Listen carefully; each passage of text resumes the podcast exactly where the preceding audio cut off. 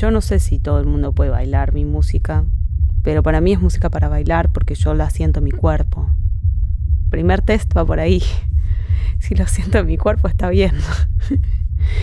Em, después, bueno, lo voy, lo voy moldeando, lo voy trabajando, ¿no? Pero es como que la, la primera cosa es esa. Incluso los temas que son más lánguidos, más lentos, como si siento el movimiento, si veo que algo me genera en el cuerpo, entonces está bien y hay que seguir por ahí. Y si no, no, tal vez vamos por otro lado. es como que hay una, una, cuestión así como de testeo de que tiene que tiene que atravesar el cuerpo, tiene que haber una corporalidad, aunque sea virtual, aunque sea procesos en los cuales, como estoy sentada enfrente de la computadora, son muy sedentarios y me, me ponen sumamente nerviosa.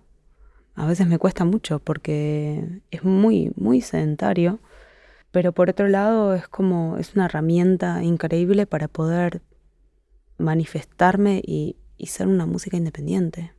Entonces, bueno, lo, lo, tomo de esa manera y hago un pacto conmigo misma. Pero claro, todo ese movimiento que está ahí adentro y que eh, se, tiene que salir por algún lado, ¿no? Entonces, es como que de alguna manera va, eh, se, se, yo creo que se manifiesta en la, en la música.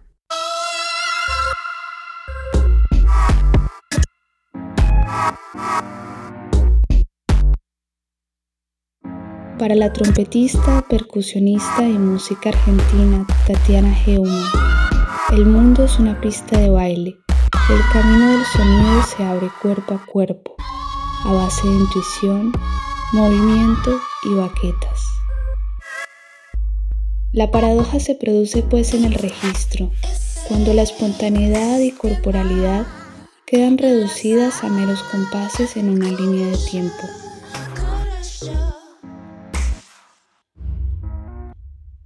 Con todo, sus aprendizajes de improvisación libre con Ricardo Cometa y las colaboraciones en Astrozuka adquirieron una nueva dimensión cuando Tatiana accedió a las tecnologías digitales de grabación y el estudio doméstico.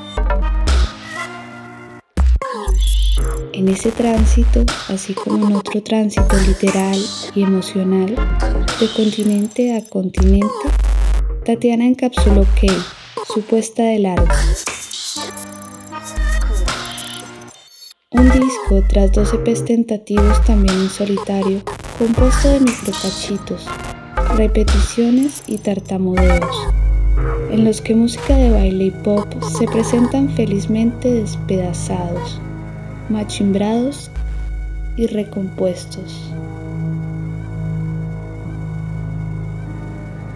En este podcast Tatiana Heumann nos habla de los cruces entre la danza y la percusión, de música que atraviesa el cuerpo, sonidos que mueven, folclore deconstruido y balbuceos, enseñanza formal e informal, sumas y restas, nombres que no significan nada y la experiencia de mujeres que tocan y arrastran baterías.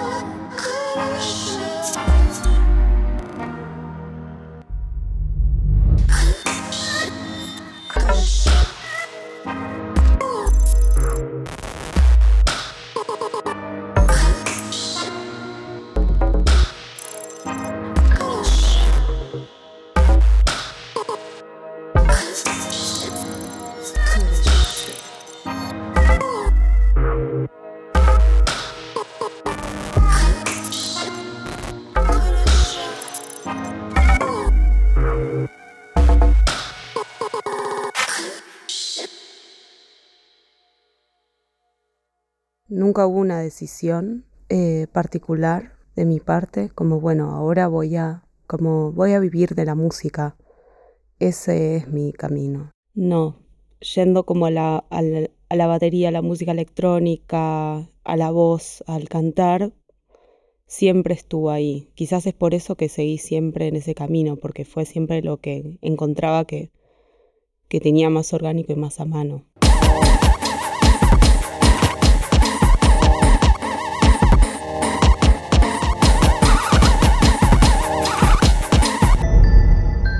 La batería en realidad a mí eh, me llegó también porque un poco porque estaba ahí, no en mi casa, sino en la casa de eh, Luciano, Luciano Vitale, uno de los miembros de Ricarda Cometa, bueno, en ese momento, que es una banda que tengo desde hace 10 años y en ese momento éramos tres. Yo en ese momento tocaba la trompeta, Luciano tocaba el contrabajo y la flauta y Jorge Espinal, con el que ahora tenemos la banda, que ahora es un dúo, hace unos tres años que la banda es un dúo. Bueno, íbamos todo el tiempo a ensayar, a tocar, a jugar. Y ahí descubrí que me gustaba tocar la batería porque la batería estaba ahí. Yo tengo el recuerdo de haber cantado siempre. Tocar la batería no. Eh, tocar la batería fue algo que tuve que estudiar con, con un montón de docentes eh, de batería, todos argentinos. Eh, y eso vino de la mano de, la danza, porque justamente ahí hubo como una ruptura entre lo académico de la música e ir hacia un lugar académico, pero de, que tenía que ver con otra cosa que en ese momento fue la danza, la expresión corporal.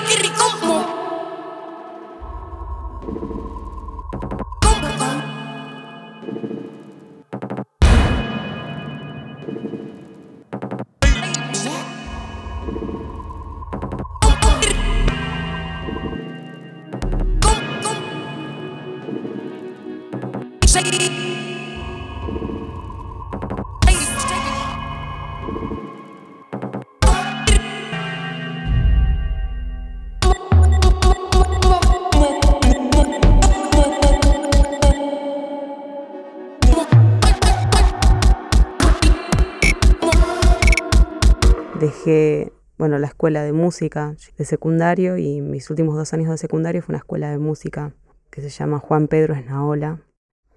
Esos tres años de conservatorio, de escuela de música, igual fueron tres años geniales porque me dieron como una base eh, de conocimiento teórico que no es que tengo oído absoluto ni, nada, ni la verdad es que no me acuerdo bien, como no, podría escribir una, una partitura ni, no, porque ya estoy aparte muy acostumbrada a trabajar con, el medio digital, eh, en el cual son es cifrado americano y cuadraditos, entonces como que ya la partitura no, para mí no, no corre. Em, bueno, en ese momento tocaba la trompeta, también cosas clásicas y empezando un poco a coquetear con el jazz, pero no, nada, en tres años de tocar la trompeta no, la verdad es que no, no puedes tocar nada, es, un instrumento muy complicado. Eh, y me encanta la trompeta, pero bueno, hay momentos en los que hay que tomar alguna decisión y elegir. Y yo me elegí por la batería y me elegí por la danza en ese momento y por dejar el conservatorio. Eh, y estuvo buenísimo porque mm, porque me, acerqué a mi cuerpo y a mi fisicalidad de una forma muy diferente, desde dos frentes, uno como más lo percusivo, lo corporal y, volcarlo en la música, y el otro ya más en como la expresión total del cuerpo. Y bueno, teníamos que hacer eh, trabajos, coreografías con, con las compañeras, con los compañeros y y a mí me gustaba mucho la parte de elegir la música o el sonido para los trabajos. Me gustaba un montón. Y, bueno, y a veces había que enganchar las canciones, este, yo no sabía cómo hacerlo, tampoco tenía mucho acceso a grandes tecnologías para hacerlo, que cambió mucho el acceso. Ahora eso lo puedes hacer con el celular en un segundo. O puedes agarrar tres canciones, cortarlas, pegarlas y ya lo tenés. Y en ese momento también me llegó una netbook a mis manos de mi tía que tenía ahí del trabajo, que era una computadora chiquita, pero yo nunca había tenido mi laptop. Para mí era como, wow, pronto tengo mi computadora personal. También en ese momento me había comprado una, una grabadora, entonces empecé a hacer este, algunas grabaciones de cualquier cosa, de lavarropas, de la pava que hervía y un poco con la trompeta, de la última etapa que, toqué la trompeta. Y bueno, y entonces como que todo, em, todo eso chiquito como empezó a llegar y eso fue como lo primero un poco de, de empezar a explorar lo que es como la música electrónica, porque a partir de cortar y pegar canciones, digamos, y si los pedacitos son cada vez más chiquitos y los empezás a mezclar de formas diferentes, ya estás dentro de lo que es una técnica de sampleo, entonces, o de lo que es empezar a hacer un remix o un mashup. Es, es, tan sencillo llegar ahí de pronto. Y entonces, bueno, también fue eso que, que la danza y la batería estuvo, estuvo junto y la danza me llevó también a meterme en música electrónica con esta pequeña netbook.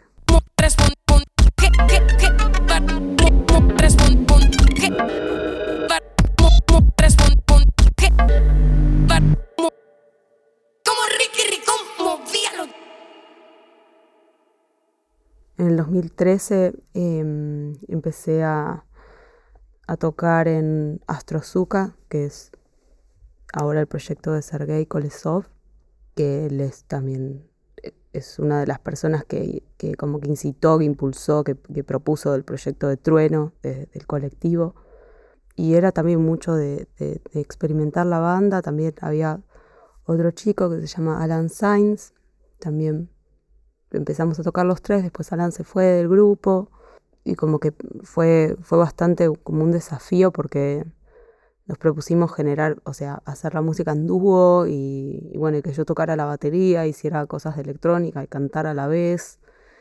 Y él hacía todo lo que tenía que ver con electrónica y de pronto mi casa la transformamos dos veces en un estudio de grabación porque él tenía, bueno, eh, equipos para, para, grabar una batería entera y nada, para grabarnos y, hacer todo como do it yourself, ¿no? Entonces como hay dos discos, un, bueno, un EP y un álbum, y, lo hicimos todo en, mi casa. Montamos un estudio en mi casa, básicamente. Mi mamá muy buena, siempre, la verdad es que la...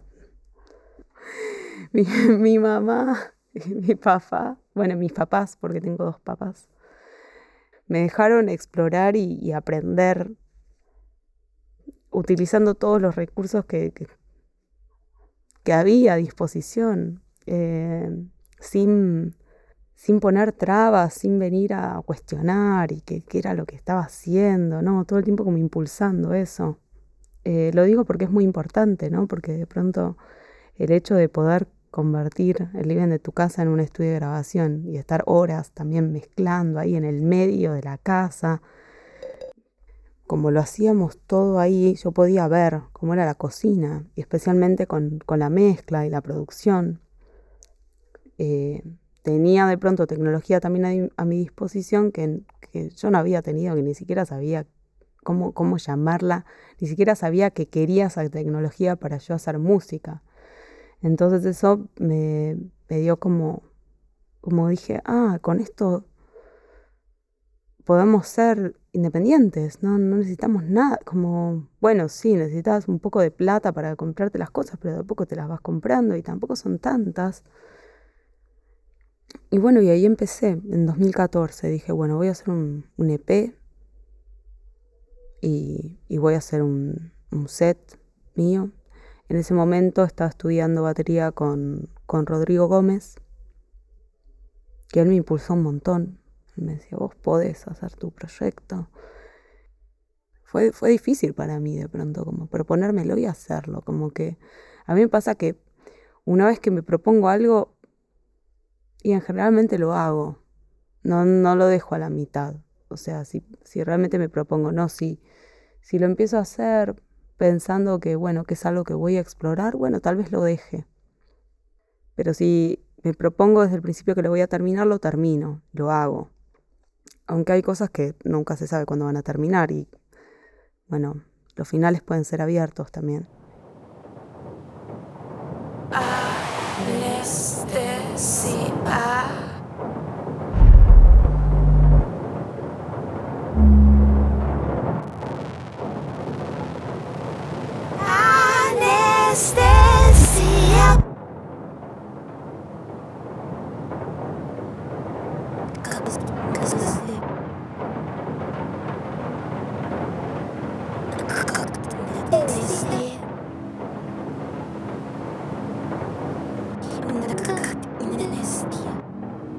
Toda mi música está como atravesada por, por mi historia personal.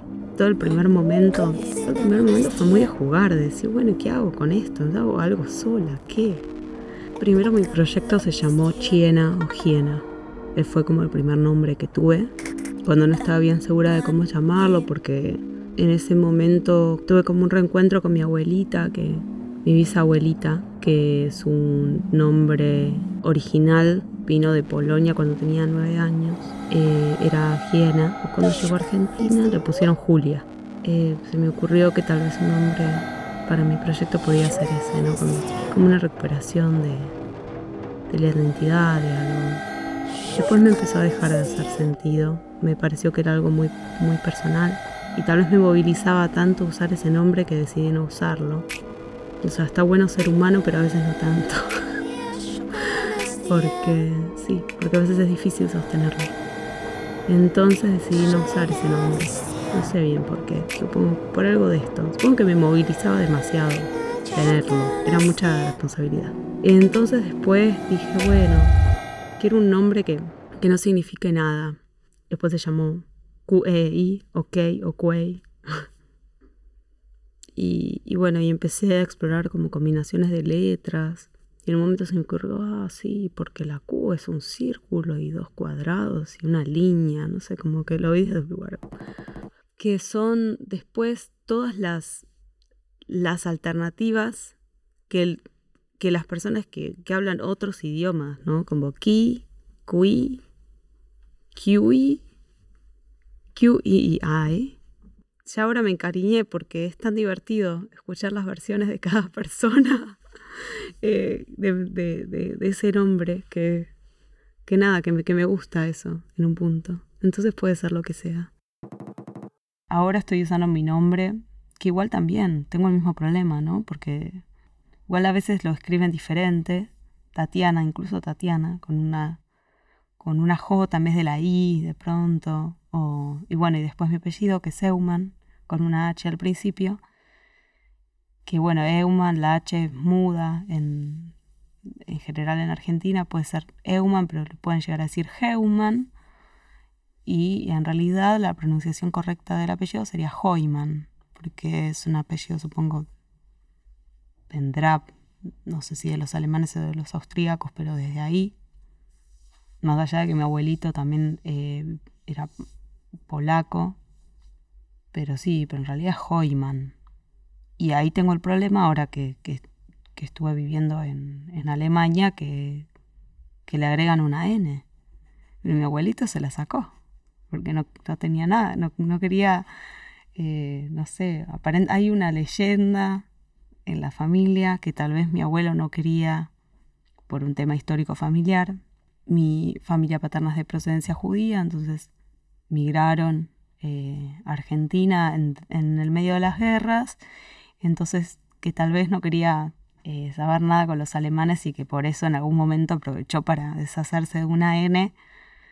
Eh, y ahora yo vuelvo a Alemania y le pone la N otra vez al final. y bueno, yo trato de pedir que no se la ponga, como ahora ya sé cómo es, ¿no? Que, siempre lo quieren corregir. Eh, pero bueno, a veces le agregan la N final al apellido. No sé, yo creo que, mi proyecto solista es como, como una gran confusión a veces, como soy yo, como una gran confusión que tiene momentos de, certeza absoluta. Eh, y, nada, y lo mandé. Lo mandé a, lo mandé a sellos, a, varios, ¿no? un montón, algunos que me interesaban. El sello astronáutico ya lo conocía. Em, que, está bueno estar perdida a veces, que no es necesario que todo el tiempo todo esté claro. Puede ser un poco perturbador, pero está bien. Eh, y cuando, o sea, yo particularmente cuando, cuando llego a esa, cuando me digo eso a mí misma me genera un gran alivio. Como, no, sí, bueno, estoy perdida, está bien, ¿no? Después voy a dejar de estar perdida.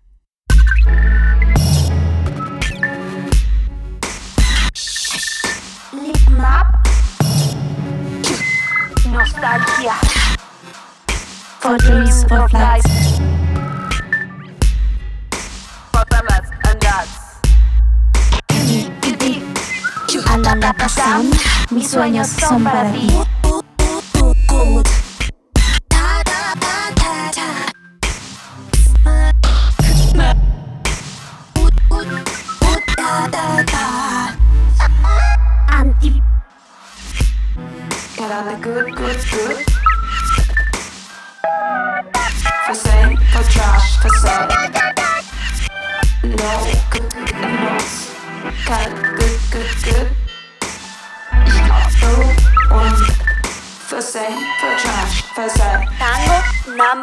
Как нас.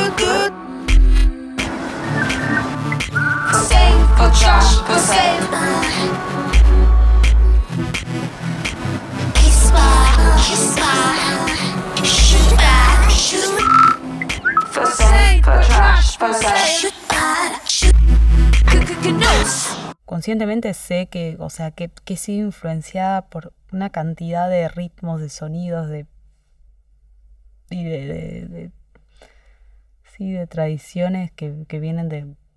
Eh, de hecho, y, sí, hubo un momento de mi vida en la cual me interesé mucho por como ritmos más latinoamericanos, por llamarlo de alguna manera. Eh, pero bueno, más eh, interesaron un poquito por la cumbia colombiana, por ejemplo, o, incluso como reconocer la influencia así ultra directa del reggaetón. Este, y bueno, y, que, el reggaetón ahora está metido en, todos lados. Me acuerdo, sí, mis primeros como experimentos, por ejemplo, tenía, tenía un, montón de, como de canciones folclóricas anónimas de diferentes lugares de la Argentina, como una colección que me había bajado de internet con, con un montón de, como de, grabaciones de, de, cantoras cantores eh, del folclore argentino, pero muy viejas. Eran grabaciones que estaban ya muy dañadas, estaba buenísimo, no, sé, lo debo tener por ahí. Una especie de antología que alguien hizo, pero hace muchos, muchos años. Y bueno, hice, me acuerdo que hice como dos covers de eso, que no se entendía nada lo que estaba diciendo la, la cantora. Y yo digo, ¿qué, ¿qué está diciendo? Entonces, bueno, agarré eso y hice como una letra que para mí hacía sentido. Como que fui generando diferentes métodos. Y, y hubo uno que fue ese, que era como, bueno, más o menos hacer como un instrumental, una base que me gustara. Y después balbucear cualquier cosa, decir cualquier cosa con una melodía, con, con algo que me venía, improvisar, y después con esas improvisaciones que grababa encima del instrumental, eso después como, como cortarlo y, pegarlo y generar como nuevas cosas. O a partir de ese balbuceo, de esa melodía, ponerme a escribir algo como, ah, esto que balbuceé me suena a tal palabra. Incluso estoy ampliando mis propias canciones. O sea, hago algo, mezclando cosas. Utilizo librerías eh, de todo. O sea, utilizo mi propia voz, utilizo grabaciones con mi grabadora que tengo desde hace mucho tiempo. Eh, eh, utilizo nada, bueno, he utilizado esto como voces de, de predicadoras que me bajo de YouTube o, incluso cosas de YouTube específicas o, o, también de bancos de sonido que a veces son para cine. El juego es sumar, sumar, sumar, sumar, sumar, sumar, sumar, sumar elementos para después empezar a quitar. Y lo que queda es lo más importante, por ejemplo.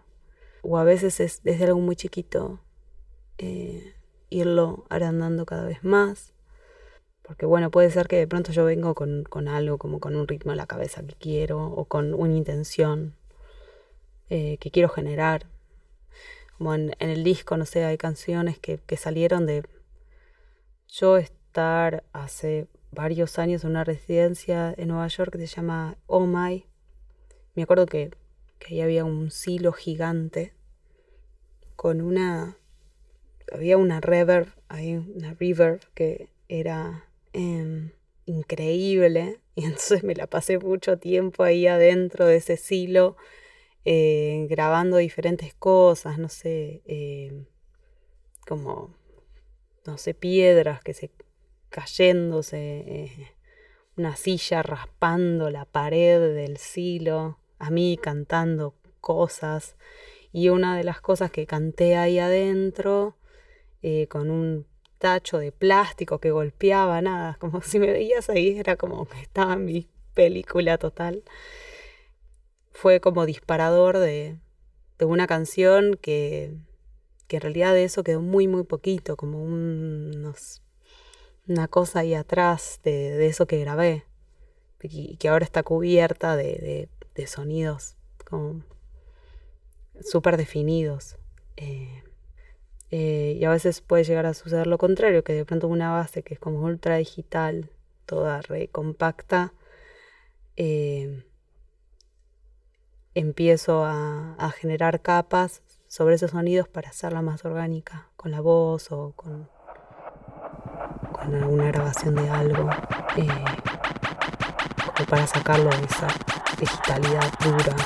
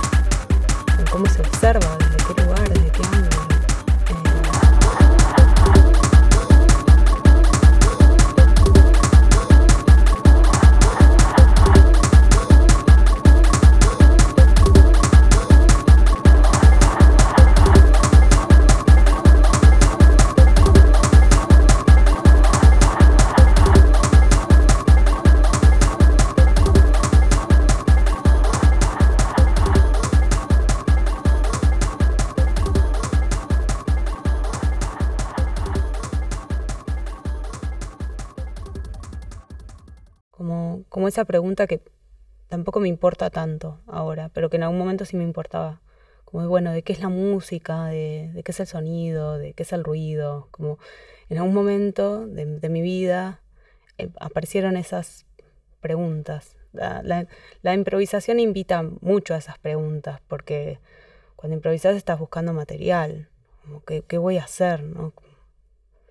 Este, la verdad es que se puede improvisar con cualquier cosa, pero al, celular en la mesa.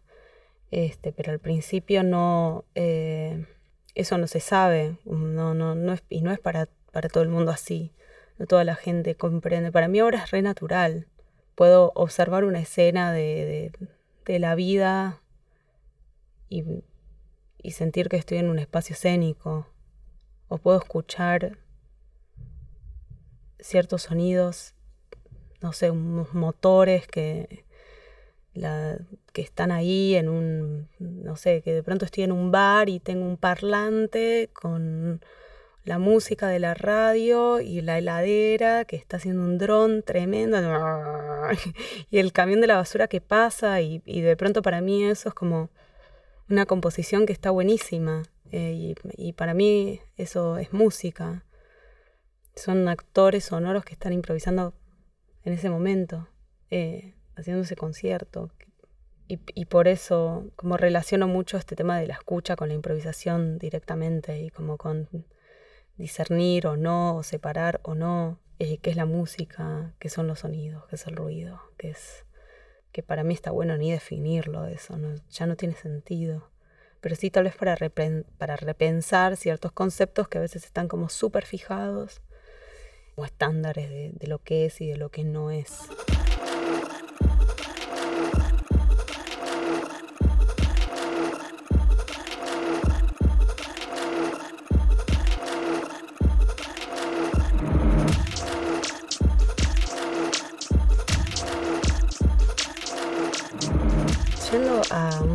La cuestión más concreta de, como del, del vivo, del no vivo, yo no sé si todo el mundo puede bailar mi música, pero para mí es música para bailar porque yo la siento en mi cuerpo.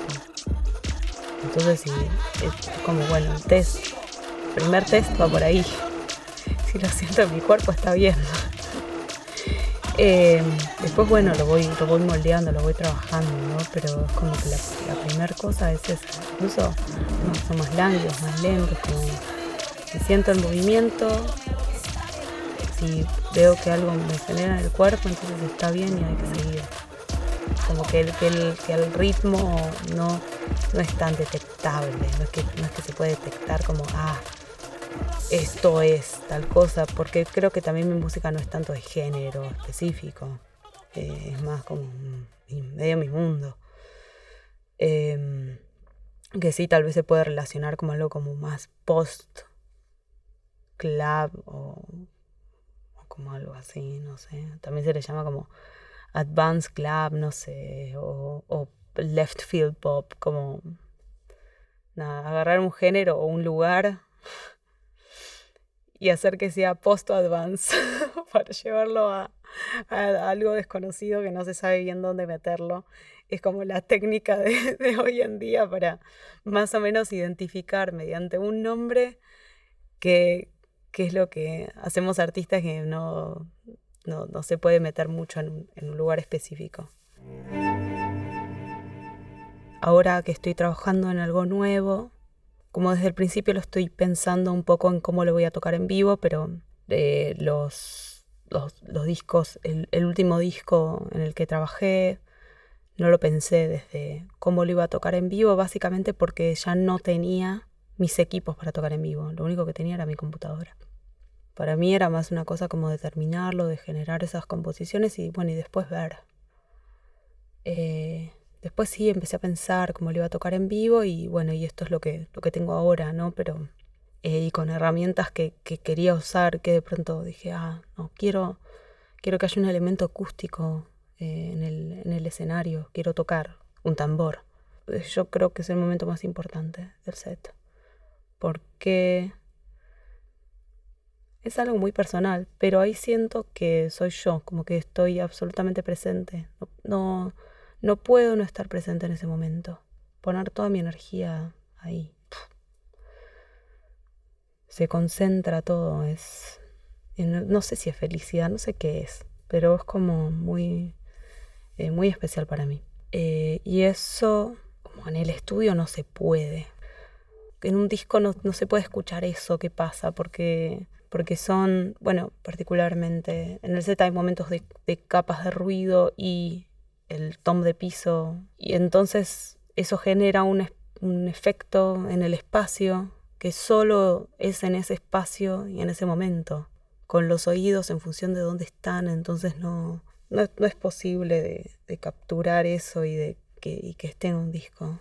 Em, y por eso para mí ese es un momento tan importante, porque yo también vengo mucho de la improvisación, entonces el set que yo tengo sola no es tan improvisado, al fin y al cabo, ¿no? Como que está bueno también dejarle la responsabilidad a, las, personas que están escuchando, a los que, no sé, que, están viviendo lo que estoy haciendo, dejar eso abierto, incluso generar esa apertura o generar esa invitación. Eh, no necesito trabajar con, con, ningún mensaje literal, no necesito manifestar ideas concretas sobre algo. Em, como que pensé, ah, bueno, ese es mi estilo, ¿no? Como yo quiero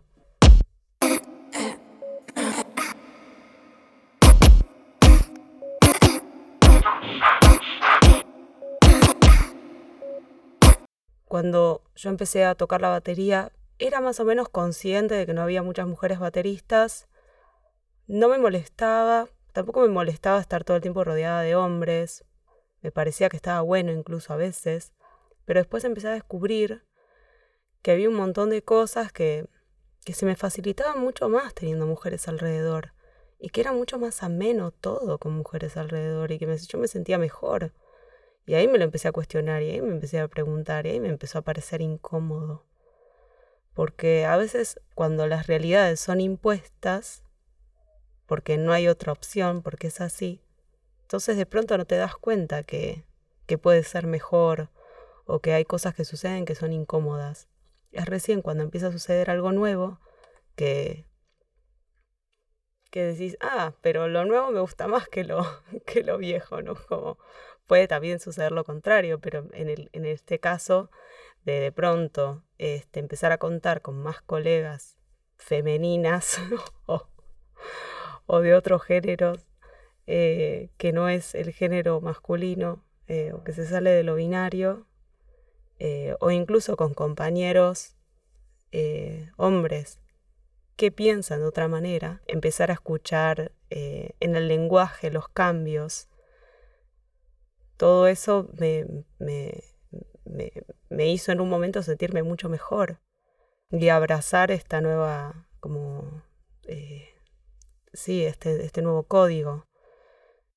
Eh, hace poco, hace muy, muy poco, estuve tocando en el festival Heroines of Sound en, Berlín. Y este tema de como male domination estaba todo el tiempo muy eh, presente, obviamente, el festival tiene que ver con eso, digamos, eh, con crear otro espacio donde esas jerarquías no existen, eh, esas estructuras de poder no existen.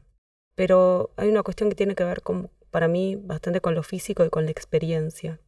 En cuanto a, la, en cuanto a lo físico es la fuerza física. Entre mujeres, eh, digamos, si hay sororidad, nos ayudamos, porque comprendemos cómo funcionamos y cómo es mejor para nosotras cooperar, ¿no? Hablemos de, la batería, por ejemplo, ¿no? De, cómo, de mover una batería de un auto adentro de un, eh, una sala de concierto, no sé. El hombre lo agarra, lo, este, yo puedo, eh, lo levanta, no sé qué, te lo saca de la mano porque vos no podés.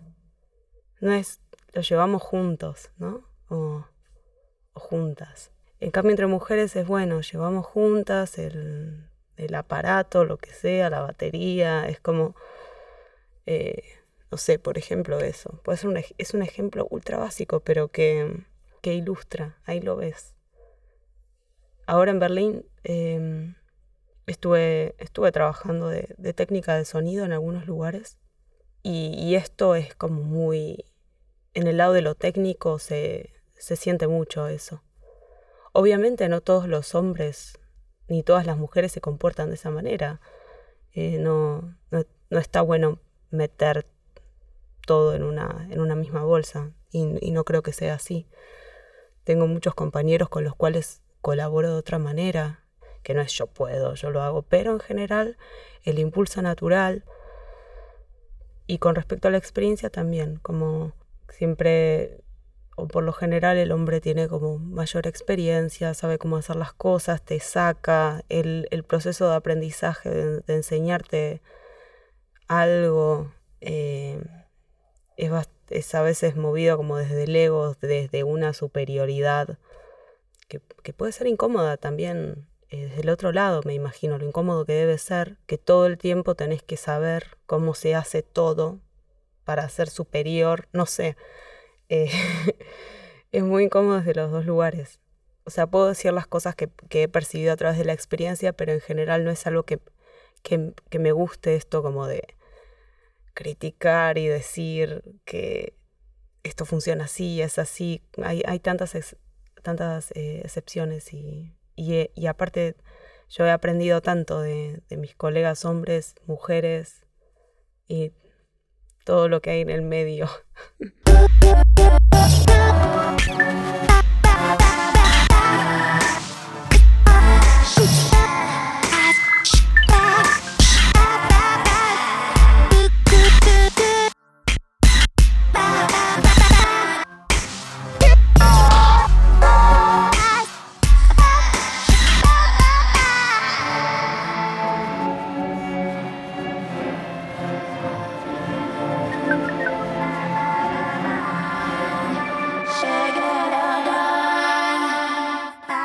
regalos somebody. para ti.